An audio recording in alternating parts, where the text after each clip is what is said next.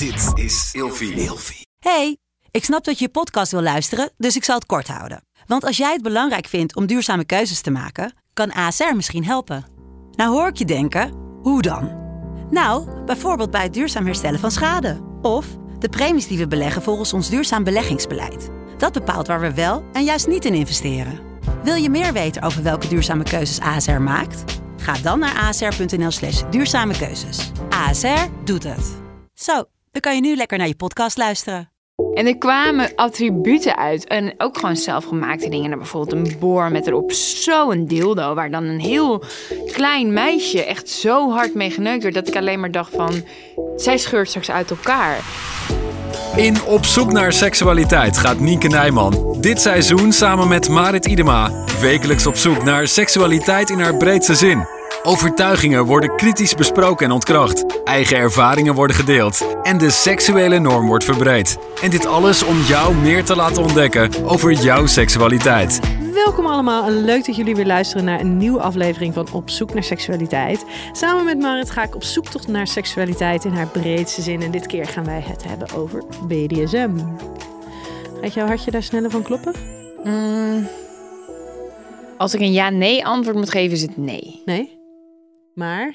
Ik vind aspecten van BDSM wel leuk. Ja, want om te beginnen, BDSM.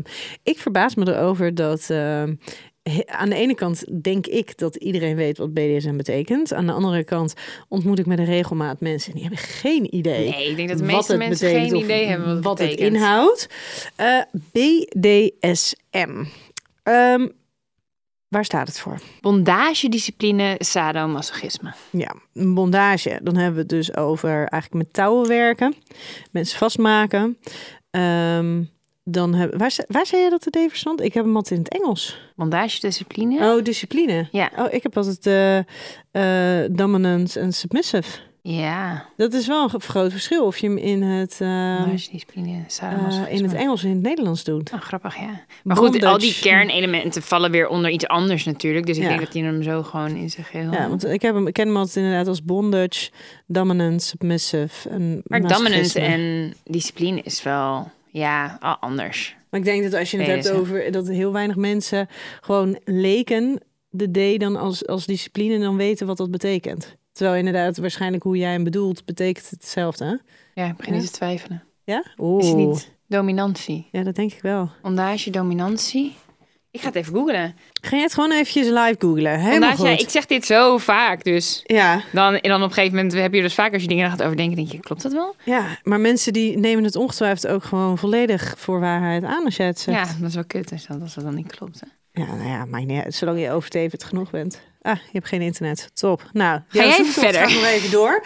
Ja, want eh, BDSM is denk ik zeker sinds dat eh Fifty Shades of Grey ehm, eh, de wereld in is gekomen, is dat iets wat veel meer mensen kennen. Waar heel veel mensen van ontdekt hebben dat ze daar een interesse in hebben.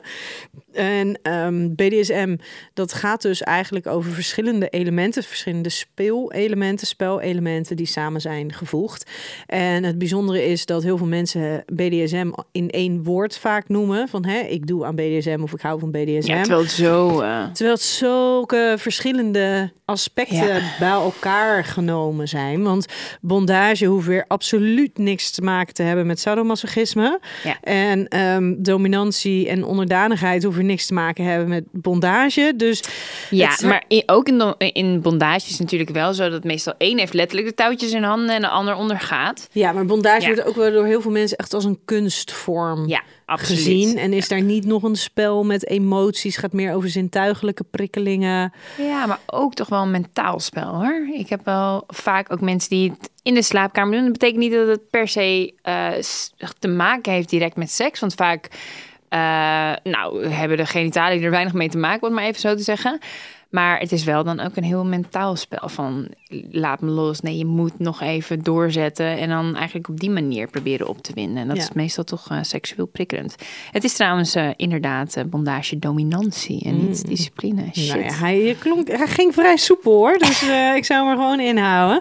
Niemand heeft het gemerkt in de gesprek. Als nog niemand jou erop heeft aangesproken, dan kom je er gewoon Nou, misschien weg. dat ik het wel altijd dominantie zei. Ah, Goed, Maakt helemaal niks uit. vergeet Iets nooit met meer. een D. Iets met een D. BDSM. Maar Maar, ehm, dus inderdaad, er zijn heel veel mensen die, die noemen het als zijnde... Ik, ik doe aan BDSM, terwijl het voor heel veel mensen zijn het elementen van die BDS of M... waar Ja. ze aan doen, wat Ja. ze leuk vinden.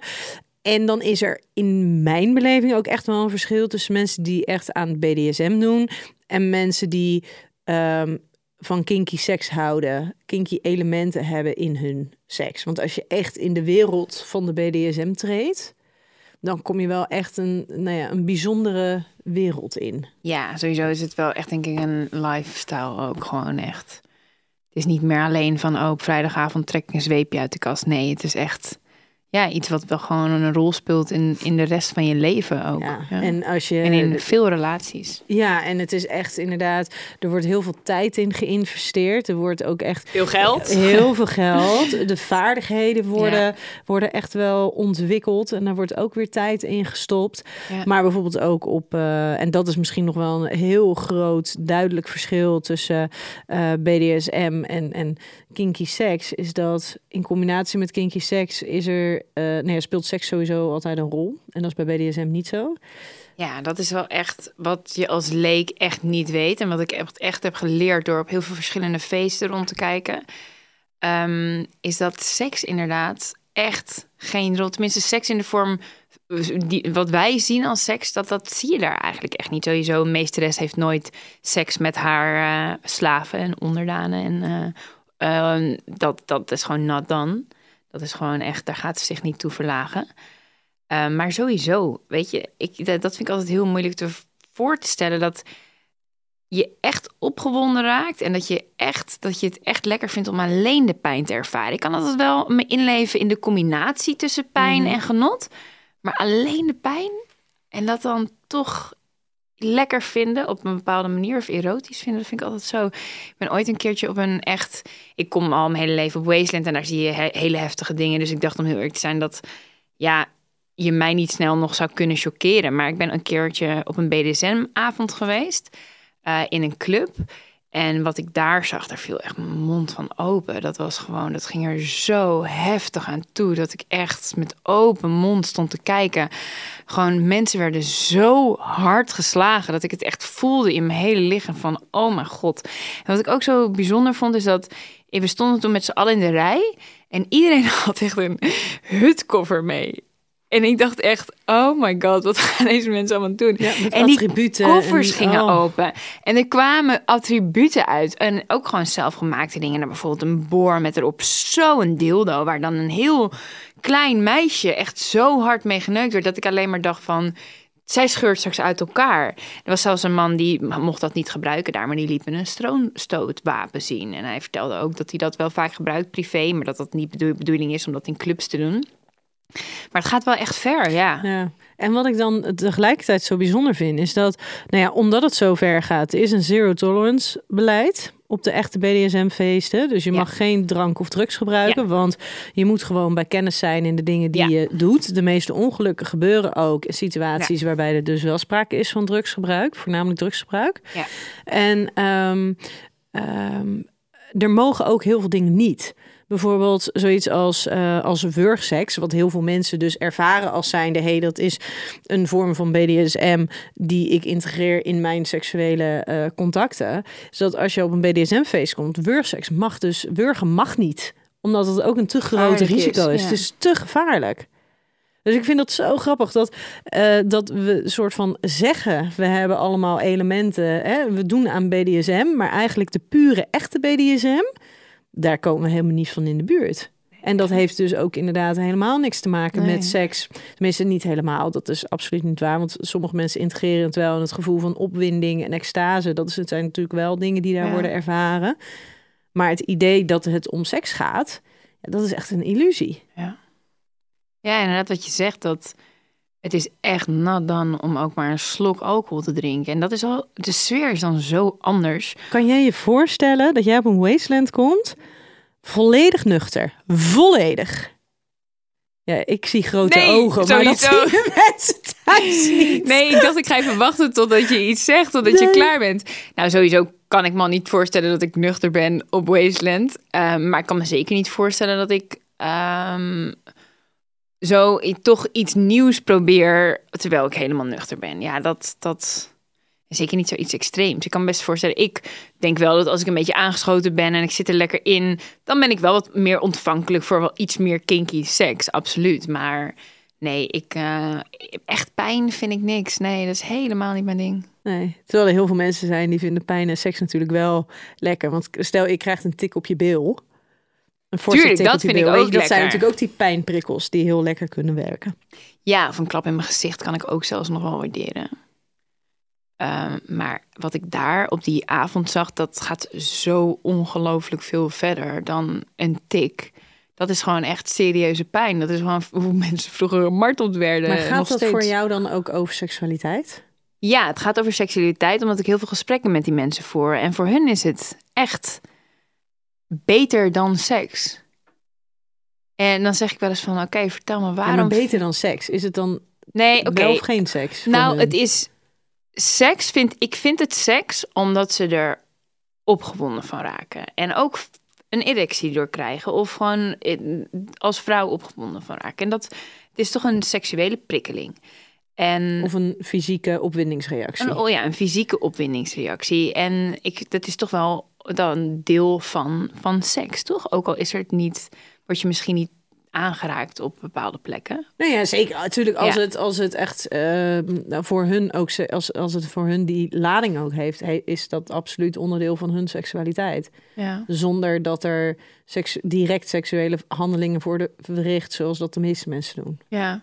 Maar, maar zie je het anders? Nee, maar ehm, ik, ik kan me voorstellen dat, dat wat het verschil maakt, is inderdaad dat jij in de gelegenheid bent om die mensen daarna te spreken. Ja. En dat zij dus hun ervaring erbij kunnen Ja. vertellen. Want als jij ziet dat iemand gewoon alleen maar gemarteld of gepijnigd wordt, dat je denkt, ja, Ja, oh, wat ik trouwens ook heel bijzonder vond en wat ook voor mij een compleet nieuwe ervaring was, was dan, nou, ik, er was een vrouw die zat in een gynaecologenstoel en nou echt, ze werd geslagen met zwepen, ze werd dus die drillboor, die kwam er weer bij. En het is gewoon een Amsterdammertje, hè, dat ik echt dacht, dit past niet. Nou, het paste wel.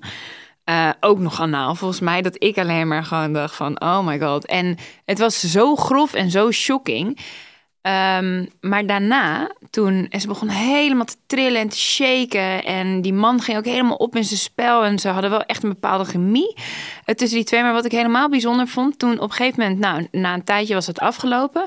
En zij was helemaal aan het shaken en hij pakte haar op uit die stoel en hij tilde haar naar die bank en hij haalde uit zijn fucking koffer een kussen en een deken.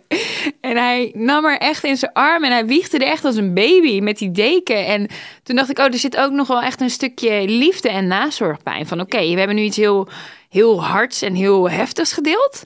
Maar nu hebben we ook gewoon iets heel moois. ja, maar die nazorg is toch juist een essentieel onderdeel van. Ja, maar dat wist ik niet. Ah, ja. En ik denk dat Ja. de meeste mensen dat niet Nee, weten. het is juist inderdaad de, de, die, die geborgenheid, die veiligheid, juist die aftercare.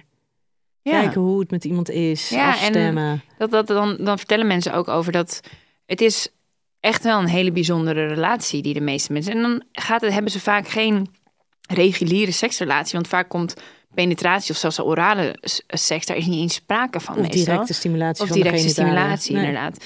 Maar het is wel een hele intieme band. Ja, maar het is heel intiem. En dat, dat, ehm, dat denk ik dat, dat mensen dat ook wel onderschatten. Die hebben vooral een idee over, oh, er is nou ja, meestal een meesteres. En dan met een onderdanige erbij. En de meesteres, ja, dat is dan vaak een vrouw die mannen vernedert. Maar het is zoveel meer dan dat. En er gebeurt van alles in die relatie. Ja. ja, en heb je ook nog wel, maak ik wel nog onderscheid tussen de professionele Ja. relaties en de relaties die wel echt gebaseerd zijn op wederzijds. Ja, Vaak ook stellen. ja, vaak stellen. Of eh, speelmaatjes hebben. Ja, speelmaatjes inderdaad echt. Maar als je dan voor jezelf zou, als ik jou zo hoor, en ook een beetje de, de, de, de chockering van de dingen die je hebt gezien, elementen van BDSM, die kan jij binnen jouw seksualiteit wel kwijt, ja. maar niet full on. Kijk, ik vind bondage bijvoorbeeld wel. ehm, ik heb ook ooit een keer een cursus gevolgd met mijn vriend. Ik, ik vind het leuk om vastgebonden te worden. En zeker op een hele snelle manier. En op zich, het, eh, het onderdanig zijn vind ik ook wel opwindend. En een beetje pijn ook wel. Dus, maar goed, dat valt denk ik allemaal als we even het onderscheid maken tussen BDSM en kinky. Dan ben ik vanille kinky en een echte BDSM'er die lacht me uit. Ja, dus nee, het is niet mijn ding. Ja, maar een echte BDSM'er kan misschien wel niet wat jij kan. En dat is namelijk eh, oprecht genieten van de soort seks dat jij hebt. Met de elementen van kink er doorheen. En dat dat voor jou oprecht heel opwindend is. Ja, ja.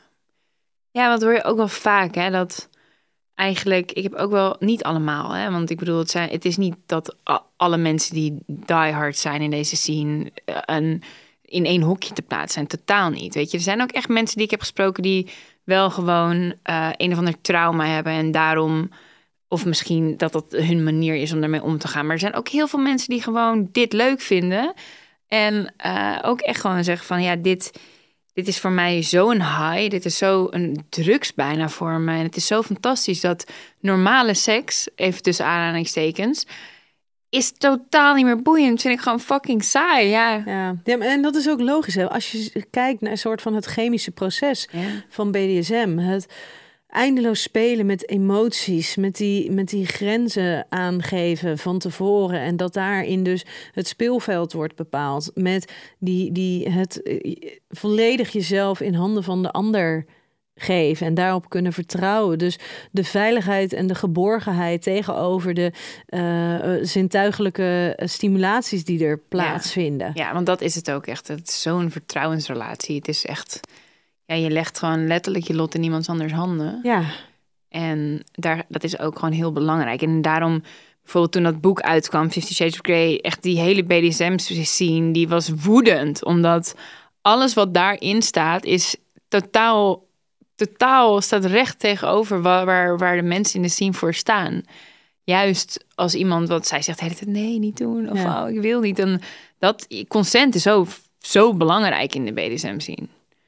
En dat is er natuurlijk in Fifty Shades of Grey. Dus daar wordt er echt kap- ja. complete scheid aan. Bizar is dat eigenlijk, hè? Dat er Ja. zo. Daar dus, als we het hebben. Nou, we hebben het afgelopen jaar natuurlijk heel veel over grensoverschrijdend gedrag gehad.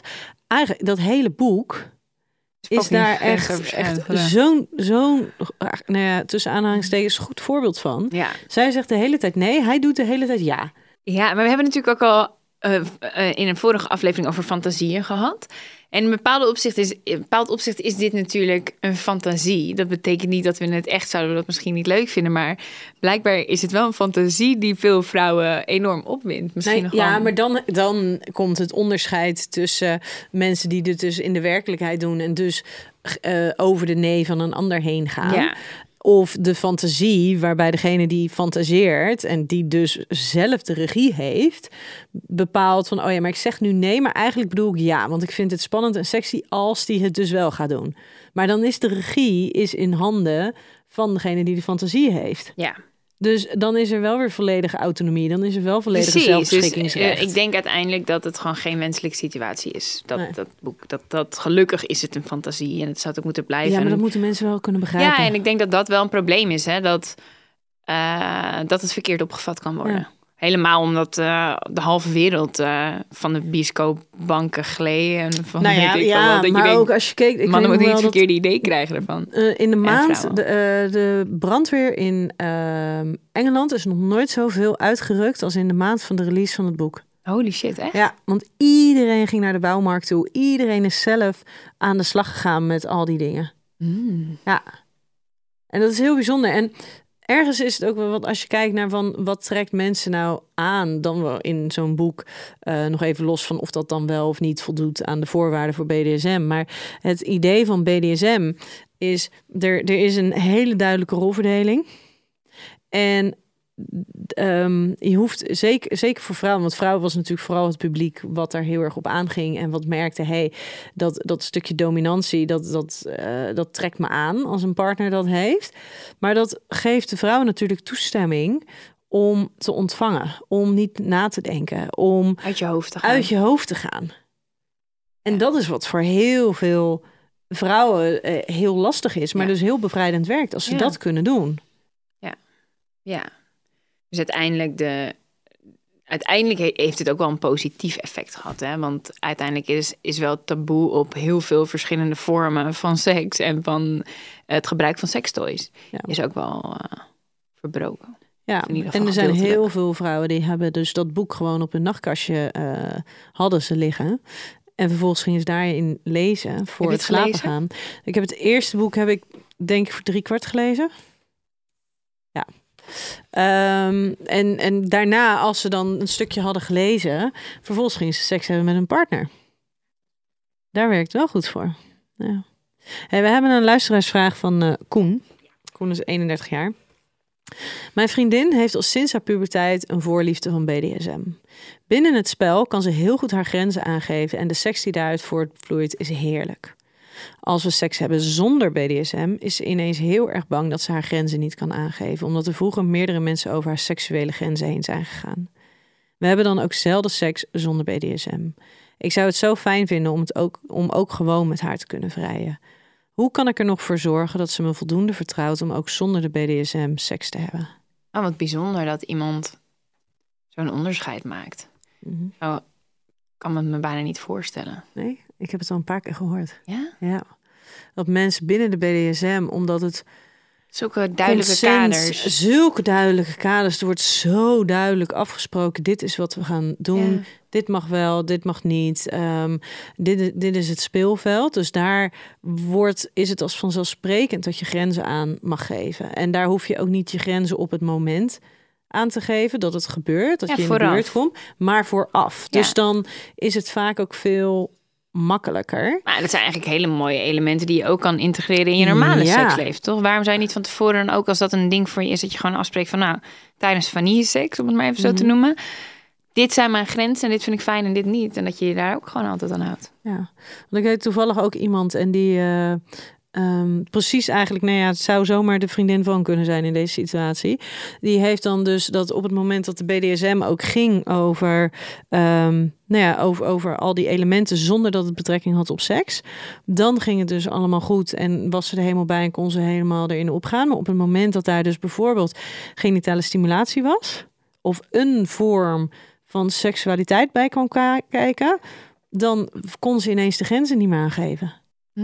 En dat was zo Hoe bijzonder. verklaar je dat dan? Nee, ja, omdat zij was dus altijd heel bang, omdat er vanuit jongs af aan zijn daar wat grensoverschrijdende situaties geweest. Dus zij heeft, is heel erg opgegroeid met het idee, en dat is ook waarom op een gegeven moment die BDSM zo haar, haar, haar voorliefde had. Ehm, zij is opgegroeid met seksueel gezien, doen mijn grenzen er niet toe. En is ze dus echt gaan geloven dat zij ze dus niet kon aangeven. En vervolgens is ze dus seks in zijn geheel gaan vermijden. Omdat ze bang was dat op het moment ze ze niet zou kunnen aangeven. Terwijl als er iets is wat mensen binnen de BDSM, die of die aan BDSM doen, goed kunnen, is dat heel duidelijk grenzen aangeven. Ja, en dat het ook wel gewoon echt, dat ze er ook echt naar luisteren. Dat, Dat is ook. ook, Want, ja, oh, dat, dat- je dat vertrouwen ook hebt. Want kijk, als je gewoon inderdaad op een avond, dat zie je hoe vaak dat mis is gaan, zeker de laatste tijd natuurlijk, dat is nee echt een nee. Dat is heel vaak, weet je. Ik heb een vriendin die bijvoorbeeld heel vaak nee zegt. En dat maakt het heel ingewikkeld natuurlijk, deze discussie. Terwijl eigenlijk ergens wil ze het wel. Dus zij heeft ook wel seks gehad met mannen dat ze echt vier keer nee heeft gezegd en dan toch iets doet. Dan is de vraag, wilde ze dat echt niet? Of was nee een soort van spel? Dat weet je Mhm. natuurlijk nooit helemaal.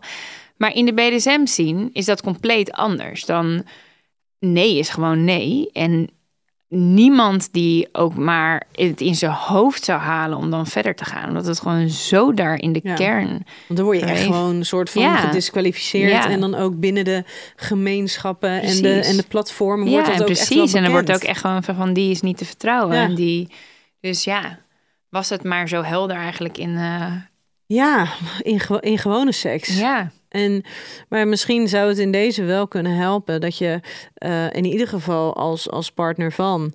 ehm, aange in ieder geval, je kan niet vaak genoeg aangeven van je mag je grenzen aangeven.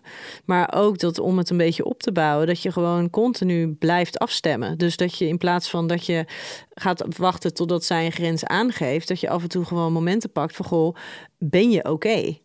Omdat op het moment dat er wordt toestemming wordt, tenminste als er wordt gevraagd naar een mogelijke grens, ehm, het ook makkelijker kan, aange eh, kan zijn om aan te geven dat, er, dat je vlakbij een grens zit of op een Ja. grens zit. Ja, precies. Dus als je weet dat iemand daar moeite mee heeft, kan je best af vragen: is dit oké? Ja, vaker Ja. inchecken. Ja, vaak inchecken. Ja, En mooi. in de hoop dat, dat, eh, dat de ander dus het, het vertrouwen krijgt dat ook in de seks haar grenzen ertoe doet. Hey, ehm, ik heb een waar niet waar voor jou. Onder de BDSM-mensen zijn in verhouding veel hoogopgeleide mensen. Ja, waar. Gemiddeld zijn mensen hoger opgeleid. En dat is wel bijzonder, want heel veel mensen, jij zei het net ook even, hè, dat er mensen zijn die bijvoorbeeld met trauma's zitten. En dat er echt wel een groepje is met trauma's. Maar dat het over het algemeen gewoon hele gezonde, hele gezonde, doodnormale mensen zijn. Nou, die dus ja. ook nog eens gemiddeld wat Ja. hoger opgeleid Ja. zijn. Ja, mijn, mijn ervaring is bijna inderdaad eh, dat mensen die in hun dagelijks leven enorm dominant zijn en ook vaak hoge posities bekleden, inderdaad. Ik kan me ook wel voorstellen dat je dan af en toe het idee hebt, het is best lekker als je het allemaal even kan laten gaan. Dat je uit je hoofd komt, dat iemand anders beslist. Dat je een keertje niet verantwoordelijk Ja, Nou dat je niet dat je aan de voorkant verantwoordelijk bent voor je eigen grenzen. Maar Ja. dat je daarna die verantwoordelijkheid Los kan uit handen laten. mag geven. Ja. Ja. Ja, ik denk wel altijd. ehm, ik ken ook bijvoorbeeld. Je hebt natuurlijk ook heel veel verschillende rollen hè, binnen deze scene. Maar mijn ervaring, ik heb ook heel vaak slaven ontmoet. Die ook echt bij mensen in huis wonen. En ehm, die nou dan ook bijvoorbeeld het huishouden doen. Of ja, gewoon echt eigenlijk een moderne slaaf. Maar gewoon compleet vanuit vrije wil. Maar daar heb ik wel bijna altijd het gevoel van: oké, dit is een leven waarvoor je bewust hebt gekozen. Maar er zit toch meestal voor mijn gevoel, tenminste de mensen die ik heb gesproken, hè, en dat zijn uiteindelijk is het nu maar natuurlijk een heel klein percenta- percentage. Maar denk ik wel altijd, er zit toch wel iets daar meestal. Ja, emotionele een- verwaarlozing, Ja. onveilige hechting, Ja. dat soort dingen. Ja, Ja, ik heb op een gegeven moment was dat. Ehm, toen ging het, volgens mij was dat rondom de release van ehm Fifty Shades of Grey. Toen is het natuurlijk overal daar heel erg veel over gegaan. En toen zag ik op tv, volgens, eh, nou ja, was, was er een item over. En toen gingen ze ook naar een, ehm, daar was ik onderdeel van. En toen gingen ze ook als onderdeel daarvan naar een stel toe. En dat dan 24-7 in de eh, dominante en onderdanige ehm, positie leefde. Met ja. 24-7. En dat die, die onderdanige, die sliep ook al in zo'n bench. En oh, dat vond ik zo... heftig. Ik vond het heel heftig. Ja, het heftigste verhaal wat ik ooit heb gehoord was een man die ik had geïnterviewd. En die eh, heeft letterlijk vijf jaar lang in de kelder van zijn meester gewoond. En die zei gewoon, ja, ik had daar niks. Ik eh, had een stro, dat was mijn bed en ik was vastgeketend. En ik kreeg eten en drinken en eh, nou, af en toe wat BDSM-achtige dingen. Dus nou, gemarteld worden eigenlijk daar. Dus gewoon... En hij was helemaal ontdaan, omdat hij sinds kort weer vrij was. Want zijn, ehm, zijn, zijn baas, zijn, eh, zijn meester, was verhuisd naar Spanje om met pensioen te gaan. Dus die had hem weer vrijgelaten in de wereld. En hij zei echt, ik zoek een meester die mij weer op wil sluiten. Want ik kan het, kan het leven gewoon echt niet aan. Weet je, ik stond gisteren in de supermarkt en ik moet nu zelf besluiten wat ik ga eten. Dit is gewoon niet wat ik wil. Ik wil gewoon zo graag weer terug naar die plek. Dat ik echt dacht, holy shit. Ja, Bizar, hè? ja. Maar goed, ik, eh, daar trek ik wel de, een beetje de grens voor mezelf. Ik vind dat niet, dat dat, sorry, maar die man heeft in mijn ogen gewoon psychische hulp nodig. Ja. Tuurlijk, iedereen maakt zijn eigen keuzes. Maar, Maar, in hoeverre ben in hoeverre je ben je nog... wilsbekwaam om die keuzes te maken? Ja, het is toch geen leven? Heftig, hè? Ja, Ja. Zonder consent kan je niet aan de voorwaarden van BDSM voldoen. helemaal mee eens. Ja. Consent is alles. En eigenlijk uit ehm, meerdere ehm, onderzoeken is ook gebleken dat juist consent ehm, echt als een van de hoogste, hoogste gewaardeerde voorwaarden voor eh, BDSM wordt gezien. Ja, je merkt het ook al op die feesten. Hè? Ehm, dat in het normale uitgaan word je veel sneller op een respectlozere manier benaderd. Terwijl daar iedereen heeft wel heel veel, hoe, ook al ben je naakt, er is wel echt heel veel respect in de scene. En eh, ja, inderdaad, die keuzevrijheid, die is gewoon heel belangrijk. Ja. Mensen gewoon hun grenzen aan kunnen geven. En dat er echt naar wordt geluisterd. Eh, het is ook wel bijzonder dat je dan kijkt naar het afgelopen jaar, waarbij consent natuurlijk een ontzettend belangrijk onderwerp van gesprek is. En dat heel veel mensen komen met van ja, maar hè, dan kan het nooit meer spontaan. Of dan gaat alle opwinding er toch van af. En dan is het allemaal een stuk minder leuk en geil. Terwijl er is een hele hele wereld waarbij seksualiteit dus wel ook gewoon een hele belangrijke rol speelt. Waarbij consent zo verschrikkelijk belangrijk is en laat zien dat het zo ontzettend goed werkt. Want er is heel veel gelijkwaardigheid. Er is heel veel um, erkenning en gehoord worden. Er is heel veel ehm, veiligheid. Ja, en wat ik wel mooi vind, want normaal, wanneer is, is toestemming, consent nou het meest lastige? Dat is als je elkaar net ontmoet. Want dat je nog moet flirten, nog aftasten, je kent elkaar niet. Maar dat is denk ik het mooiste, mooie aan de BDSM zien. Dat het laat zien dat het wel kan. Want er zijn gewoon bepaalde kernwaarden waar iedereen zich aan houdt. En ook al ontmoet je elkaar heel vluchtig en heb je niet eens een gesprek met elkaar, dan nog leven mensen volgens die regels. En dan nog wordt er heel erg, ja, heel die, als jij geen toestemming geeft, of als jij een keertje stop zegt, dan, dan dat zijn gewoon, oké, dat zijn gewoon, dan stopt het gewoon meteen. Ja, want het consent zit dus in het, eigenlijk het contract wat je van tevoren met elkaar opstelt over de gedragsregels en over de grenzen. Maar de consent zit ook verwerkt in in de stopwoorden. Ja, in de stopwoorden. En dat je dus leert ik mag stop zeggen. Ja. En dat is natuurlijk ook een van de dingen waar heel veel mensen tegenaan lopen. Die denken, ja shit, ik heb ja gezegd. Zeg maar buiten de BDSM. Ik heb ja gezegd, dus nu moet ik doorgaan. Terwijl je mag stop zeggen. Ja. Je mag zeggen tot hier en niet verder. Ja. En, en heel vaak is het zo van, nou, uh, let's get it over with. En hopen dat het snel afgelopen is. Want ik heb er nu eenmaal voor gekozen. Of ik heb ook wel eens een vriendin gehad die zei van, ja, hij was toch al bij me thuis. Ja, oké, maar dat is nog geen reden om dan maar, oké, ja, het is lullig om iemand teleur te stellen, maar dat is wel gewoon, dat moet je wel gewoon doen als je er zelf niet op zit te wachten. Ja, en dat vind ik echt wel bewonderenswaardig binnen die, binnen die hele BDSM, dat, um, dat er dus op zo'n mooie, eigenlijk natuurlijke en, en vanzelfsprekende manier vorm wordt gegeven aan consent. Ja, we kunnen er eigenlijk wel wat van leren. Zou het eigenlijk wat meer uh, ja moeten overnemen. En, hè, en of je dan, de, de, nou ja, er zijn natuurlijk bijvoorbeeld in Zweden was natuurlijk ook al dat contract dat je eigenlijk een soort van op papier moet zeggen, ja, ik wil als je seksueel gaat, gaat, gaan, gaan hebben. Um, en werd ook al de vraag gesteld: kunnen we dat hier in Nederland? Zouden we dat ook kunnen doen?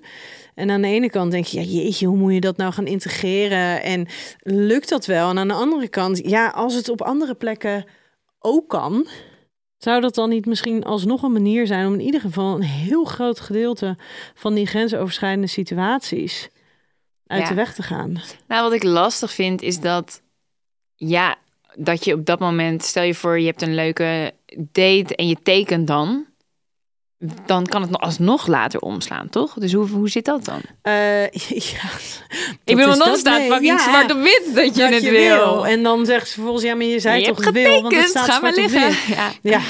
Nee, maar, ja, maar daarin is natuurlijk, ik ben dus eh, oprecht heel benieuwd hoe dit dus in andere landen in de praktijk ja. ook werkt. Ja, het is gewoon een probleem. Ik weet alleen niet of dit de oplossing is, want ja. Alleen al weten dat je ergens, ongeacht waar je bent, hoe ver je al bent gegaan, alleen al weten dat je nee mag zeggen, alleen al weten dat je op elk moment uh, mag stoppen, denk dat je daarmee al een heleboel situaties gaat voorkomen uh, en dat er ook naar de geluisterd wordt, die nu zo'n groot grijs gebied vormen in of het grensoverschrijdend gedrag was of niet. Of dat mensen het idee, gevoel hebben van ja, maar ik, ik heb gezegd dat ik het wilde, dus hè ja, het voelde niet zo goed, maar ik heb het wel gezegd. Dus het, het, is allemaal niet zo erg. Het blijft een lastig thema. Ja. En we gaan naar uh, de stellingen. BDSM zou niet als, als vanzelfsprekend als iets seksueels moeten worden gezien. Mee eens. Want?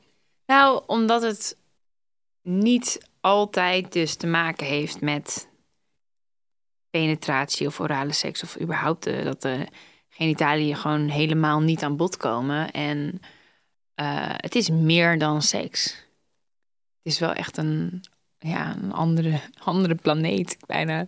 Ja, maar ook als je um, eh, zo'n bondage eh, workshop volgt, heb jij ook gedaan. Hoe was dat qua ervaring om dat met andere mensen te doen? Nou, wat ik wel, ehm, zeg maar, de, de man die dat gaf, die, eh, die had helemaal geen seksuele relatie met het model waarmee hij werkte. Maar toen hij mij vast ging knopen, dat deed hij even iets voor. Maar voelde ik dat dan toch als oh, iets wat een beetje over mijn grens heen ging. Omdat toch blijkbaar heb ik er wel een se- seksuele associatie mee, weet je. Waardoor ik het heel onprettig vond. Dus ja, dat vond ik wel lastig ervan. Want dus, ja, wat voor de een seks is, is voor de ander natuurlijk niet. Maar ik vind het best wel... Als iemand zo dit ja. zo intiem, ja, mijn handen op mijn rug gebonden en dan, het is ook wel, zeg maar, deed dan echt aan mijn vriend voor van, oké, je moet wel een beetje kracht zetten en dat is toch wel vrij. En was het seksueel grensoverschrijdend of was het überhaupt intimiderend dat, dat dus een man dat dan bij jou deed? Een man met wie je verder geen relatie hebt. Ik, ik vond het niet intimiderend, want het was een hele veilige situatie verder. En hij had ook gevraagd hè, of hij het mocht doen. Dus het was absoluut niet eh, dat hij grensoverschrijdend Nee, eh, het kan gedrag wel vertoonde. intimiderend voelen. hè? Ik vind het gewoon niet zo fijn als mensen me aanraken op die manier waar ik niet dat bij voel. Als ik hem heel lekker had gevonden, prima. Was het voor voor de rest wel een aanrader? Ja, ik vond het wel echt heel bijzonder. Ehm, ja, om dat sowieso samen te doen is leuk. En weet je, BDSM, eh, de bondage is zo eh, eigenlijk een goede eerste stap, weet je. Omdat het, het, is, het is bijzonder, want je kan heel erg eh, spelen met macht en onmacht. Maar het doet geen echte pijn. Dus het is gewoon lekker instappen. Ja, je loopt geen risico. Nee, je loopt niet. Nou ja, kijk, als je Tenzij touwen om de nek gaat binden en whatever. Ja, maar dat is instap lijkt me dat sowieso niet heel handig, Nee, hè? dat sowieso niet. Dat deed hij trouwens wel om te laten zien. Eh, ik was daar heel erg nieuwsgierig naar. Ehm, maar goed, dan moet je wel echt weten wie, wat je doet, Ja, weet dus je. daar blijven we nog even vanaf. Daar blijven we nog even vanaf, Ja. ja. Maar als je dan kijkt naar hoe de sfeer... Want jullie deden dat met een groep? Nee, we deden dat met z'n vieren. Dus hij deed, de, de, de pro deed voor op een model. Ja. En mijn vriend deed op mij. Maar die op een gegeven moment werd hij wel een beetje ondersteund. Als hij een bepaalde knoop dan nog even... Dat werkt dan toch lekkerder als hij het echt wel even op mij Ja, liet was zien. het fijn om dat, zeg maar, nou ja, in die context dan één op één te doen? Ja, vond ik wel. Ik, ik vind het altijd wel een beetje ingewikkeld met groepen. Ja? Dat soort dingen. Ik zal nou, ik heb een. ehm, op Netflix staat een. Ik weet niet of die er nog op staat trouwens. Stond er een paar jaar op Sex Around the World. En dan ging eh, die dame. Gaat in volgens mij vijf verschillende landen. Gaat ze ehm, seksualiteit onderzoeken. Een beetje zoals Sunny Bergman op een gegeven moment ook heeft gedaan. Alleen dan net even wat. Net even wat anders. En toen was volgens mij in Berlijn. En dan ging ze ook, ging ze ook kijken naar zo'n bondage eh, workshop of training. En er waren echt een stuk of twintig stellen die dat vervolgens aan het doen waren. En ik vond het op de een of andere manier zo mooi uitzien. En de sfeer leek zo soort van, ja, ehm, harmonieus of zo. Niet, ik vond het heel mooi. En als Ja, maar je kijk, dan... mondage, wat je net ook aan het begin even zei, het is echt een kunstvorm. Nou moet ik heel eerlijk zeggen dat dat mij echt totaal niet boeit. Ja. Weet je, ik wil gewoon vastgebonden Nee, worden. En dat hoeft echt niet met ja. 86 heel mooie knopen. Ja, pff. nee, echt. Ik heb daar helemaal niks mee. Nee, Oh, grappig. cultuurbarbaar ben ik Nou hè, een beetje. jeetje. Hey, BDSM is vooral mensen die emotioneel of seksueel beschadigd zijn. Nee. We hebben het er natuurlijk al even over gehad. Absoluut niet het overgrote deel. Maar ik ben wel aardig wat beschadigde mensen tegengekomen gedurende mijn eh, ja, ervaringen die ik in de scene heb opgedaan. Denk je dat daar gewoon de gehele ehm, maatschappij terug te zien is onder die populatie? Of denk je wel dat het inderdaad een beetje een polarisatie is van toch wel een groep mensen die wel trauma heeft, wel beschadigd is en een groep mensen die dus nou ja, hoger opgeleid is, die behoefte hebben aan af en toe eventjes de verantwoordelijkheid uit handen geven en op die manier. Ik denk dat het percentage iets hoger ligt dan in de rest van de samenleving. Ja. hè? Ja, ik, kijk, ik denk toch dat dat. En nogmaals, dat vertelde ik net al even, maar ik dacht, denk vooral dat dat bij de slaven zit. Dat lopen natuurlijk best wel wat, wat. Ja, maar weet je, of, als je onderdanig bent, is het af en toe een rol die je aanmeet. En dat kan je ook heel goed zijn als je gewoon. Ik vind de onderdanige rol zelf ook leuk, maar En slaaf zijn is wel echt heel iets anders. Hè? Dat is, we hadden het net al even over, is het een lifestyle of is het iets wat je doet op vrijdagavond met een drankje op? Of dus juist geen drankje op? Geen drankje. geen. Ja, en de slaven die ik heb ontmoet, daar, het is gewoon echt hun leven. Weet je, ze zijn echt letterlijk bijna in dienst. En vind Eh, jij dat dan nog onderdeel van BDSM eigenlijk? Nou, bijna alle mede- meesteressen die ik ken, en ik heb er best wel wat, wat ge- gezien en gesproken en ben er vaak langs geweest, hebben bijna allemaal een vaste slaaf. Ja. Dus ja, het is wel echt onderdeel van. En kijk, dan denk ik ook van, ik, ik vond het altijd best wel shocking, omdat zo iemand die, eh, nou, zien er dan niet heel gelukkig uit, maar dan praat je met iemand en dan is het wel heel, wordt wel heel duidelijk van, dit is echt 100% mijn keuze en dit is de enige manier eh, om hiermee te dealen. Eh, vaak hebben mensen ook nou, vrij uitzichtloos leven verder misschien. En is dit een mooie invulling van hun leven om toch nog gelukkig te zijn. En En betekenis te en krijgen, betekenis gezien te krijgen, worden. gezien te worden. En wat ik ook al zei, er zit toch ook liefde hè, in die relatie. Dus oké, ze moeten er ook wel veel voor doen. Want vaak, eh, nou, de eerste meesteres waar ik ooit op bezoek bij kwam thuis, die, nou, die runde gewoon het huishouden. Die haalde koffie en die zette thee. En toen, toen vroeg ik ook aan die man van, nou, die schrok sowieso zich helemaal dood dat ik iets aan hem vroeg. Ehm, maar toen uiteindelijk even rustig met hem gepraat. En eh, hij zei van ja, dit is voor mij, dit is, dit, ik, om dat voor haar te kunnen doen. Zijn meesteres was zo zijn godin. Dat, dat voelt zo goed. Daardoor voel ik me zo goed over mezelf. En ik heb ook geen geld om eh, bij haar een sessie te boeken. Dus ik word eigenlijk uitbetaald in sessies. Dus eens in de zoveel tijd krijg ik een sessie cadeau. En het is altijd maar afwachten natuurlijk. wa- wat, wat en wanneer er wat gebeurt. En verwar het dus niet met seks. Hè? Want dit heeft dus niks met seks te maken. Voor hem wel. Maar er komt geen eh, penetratie of whatever aan te pas. Maar ja, daar leeft hij dan voor. Voor die momenten. Dat hij zijn passie kan uitoefenen. Ja, en is het dan passie uitoefenen of is het dan inderdaad die, ehm, die relatie die ertussen is, hun is, die geborgenheid, het gezien worden, het van betekenis zijn, het ertoe doen. Ja, maar je moet wel beseffen, dat zijn wel basiselementen. Maar heel vaak is de rol juist heel hard en heel ja, Ja. kleinerend. En heel... Ja. Het is niet zo van, hey, kan je een kopje koffie maken? Koffie maken, nu. Dat Ja. je denkt, oh joh, oké. Ja. Weet je, het moet je maar aankunnen. Dat de Ja, dag je, je in, moet dag... het ook maar kunnen. Dat zeggen zo. Nou, ik zou het eerder kunnen dan dat aankunnen. Nou, Oh. nee, sorry. Ik zou het echt niet aankunnen als dat... Het is gewoon... eh, zo ga je niet met mensen om. Nee, maar heeft dat dan ook te maken met zelfwaarde van die mensen? Dat, En kijk, het is moeilijk. Ik, ik, ik, ik wil niet te voorbarige conclusies trekken, maar ik heb wel mensenkennis en ik zie wel gewoon de mensen waar ik het nu over heb. Dus, en ik heb er een paar ontmoet, die hebben wel meestal best een eenzaam leven. Ja, en die hebben niet zoveel om voor te leven. Misschien hebben ze een uitkering. Eh, in ieder geval financieel hebben ze het meestal niet heel goed voor elkaar. Dus het is ook kost en inwoning wat ze krijgen. En ehm, hebben ze problemen? Ja, die hebben ze. Maar de manier waarop ze met hun problemen omgaan is denk ik niet per se slecht. Kijk, misschien zou het nog beter zijn als ze professionele hulp zouden zoeken, vrienden zouden krijgen, een relatie zouden krijgen. Maar Als is ook niet voor iedereen weggelegd, Nee. En hè? als het hen niet gaat. nee, kijk, ik denk wel dat, dat, dat, dat het werkt. En dat ze gelukkig zijn, ook al zouden wij ons dat niet kunnen voorstellen. Nee. Want het is niet een heel leuk leven, lijkt mij. Maar ja, het is wel voor hun beter dan het alternatief, denk ik. Iedereen zou elementen vanuit de BDSM moeten integreren in hun seksuele relatie. Nou, niet iedereen, nee, absoluut niet. Echt niet? Nou, nee. Nou ja, elementen, misschien als we het dan hebben over toestemming, dan vind ik dat een Mhm. element van de BDSM wat iedereen in zijn seksleven zou moeten verwerken. Maar ik denk dat, Een hele duidelijke rolverdeling. ja, duidelijke rolverdeling. Kan heel veel verlichting geven. Er zijn heel veel mensen die zijn continu aan het afstemmen tijdens de seks. Heb ik wel genoeg gegeven? Heb ik wel genoeg ontvangen? Ehm, wordt er nu van mij verwacht dat ik nu iets doe? Of mag ik afwachten totdat de ander wat gaat doen? Terwijl als je dus afspreekt van tevoren, dit is jouw rol en dit is mijn rol. Dat Ja. je je veel meer daaraan kan overgeven. Veel meer Ja. erin kan opgaan. Ja. ja, op zich is dat, dat is wel een mooie. Wat ik trouwens ook wel, wat ook heel gecompliceerd is, dat heb ik, ik heb ook wel eens een stel ontmoet.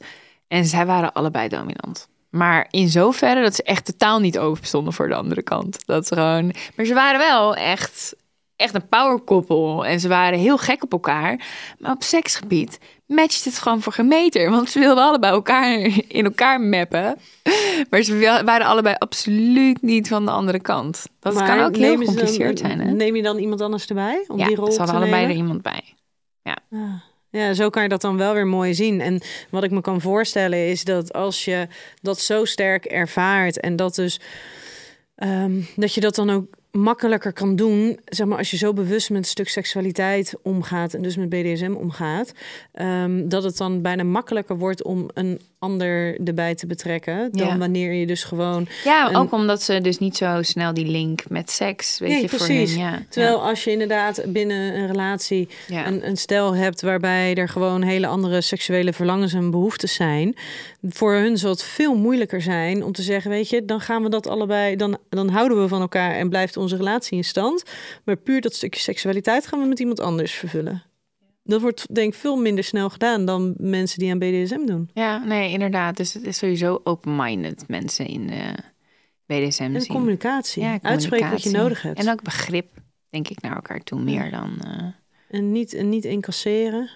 Ja. Niet incasseren als in geen genoegen nemen met, Ja. maar ook niet over je grenzen heen laten gaan. Ja, maar wat ik wel bijzonder vond van dat verhaal, en dat merk je wel vaker, het is bijna een seksuele geaardheid. Of Mhm. kan ik dat niet zeggen? Jawel, dat kan Want, want zo ver gaat het, wel, hè? ja. Het, is, het is echt gewoon onbespreekbaar om de andere rol aan te nemen. Terwijl ik zou heel makkelijk, nou, een keertje dat ik dominant ben, hartstikke prima. Ik sta overal voor open. Maar dat is zo de kern van wie zij zijn. Dat is gewoon echt gewoon een no-go. Gewoon, nee, ben je gek. Ja. Dat is wel, het gaat wel echt ver, die, die voorkeur. Degene die onderdanig is, heeft de werkelijke macht in handen. Ja, want die bepaalt. Ja, die bepaalt de grenzen, Ja. de kaders, Ja. waarbinnen het speelveld valt voor de ander. Ja, de ander is eigenlijk aan het werk voor de onderdanige. Bizar, hè? Eigenlijk. Ja. Terwijl we altijd denken dat degene die dominant is, dat die leidend is. Ja. Terwijl die eigenlijk vooral volgend is. Maar ja, als hij goed, het goed doet. Als het goed doet. Ja. Nou, ik was laatst kwam ik een serie tegen, ehm, Billions. En daar was een, een, nou ja, dat gaat over eh, officier van justitie, ehm, die ook dus aan, aan BDSM doen, maar die heeft het altijd gedaan en ehm, zijn vrouw, die, nou ja, die is dus gaan proberen om een rol van meesteres op zich te nemen, omdat hij het niet prettig vond dat hij altijd naar die meesteres, naar die club toe ging. Maar dat hebben ze dus in overleg met zijn oude meesteres gedaan. En op een gegeven moment gaat het dus. En ik vond het zo mooi. Want ik dacht echt, oh, dit geeft een keertje zo'n mooie weergave van voor de verandering. voor de verandering. In plaats van dat het een soort van weer zo'n slecht beeld geeft. Is dat het op een gegeven moment gaat het niet goed met hem. Gaat hij dus naar die club toe? Gaat hij naar die meesteres toe? En ehm, nou, dan, dan, dan gaat zij dus aan de slag met hem. En dan vraagt ze op een gegeven moment, want ze houdt, houdt hem dus in de gaten. En vraagt op een gegeven moment vraagt ze: wat is er aan de hand? En toen zei hij: ja, mijn vrouw weet niet dat ik hier ben. En ik vond het zo mooi. Zegt: wat maak je me nou? Weet je, hoe haal je het in je hoofd om hier te komen, om hier naar mij toe te komen, terwijl zij niet weet dat jij hier bent, zonder dat zij toestemming heeft gegeven. En dan stopt ze dus ook direct.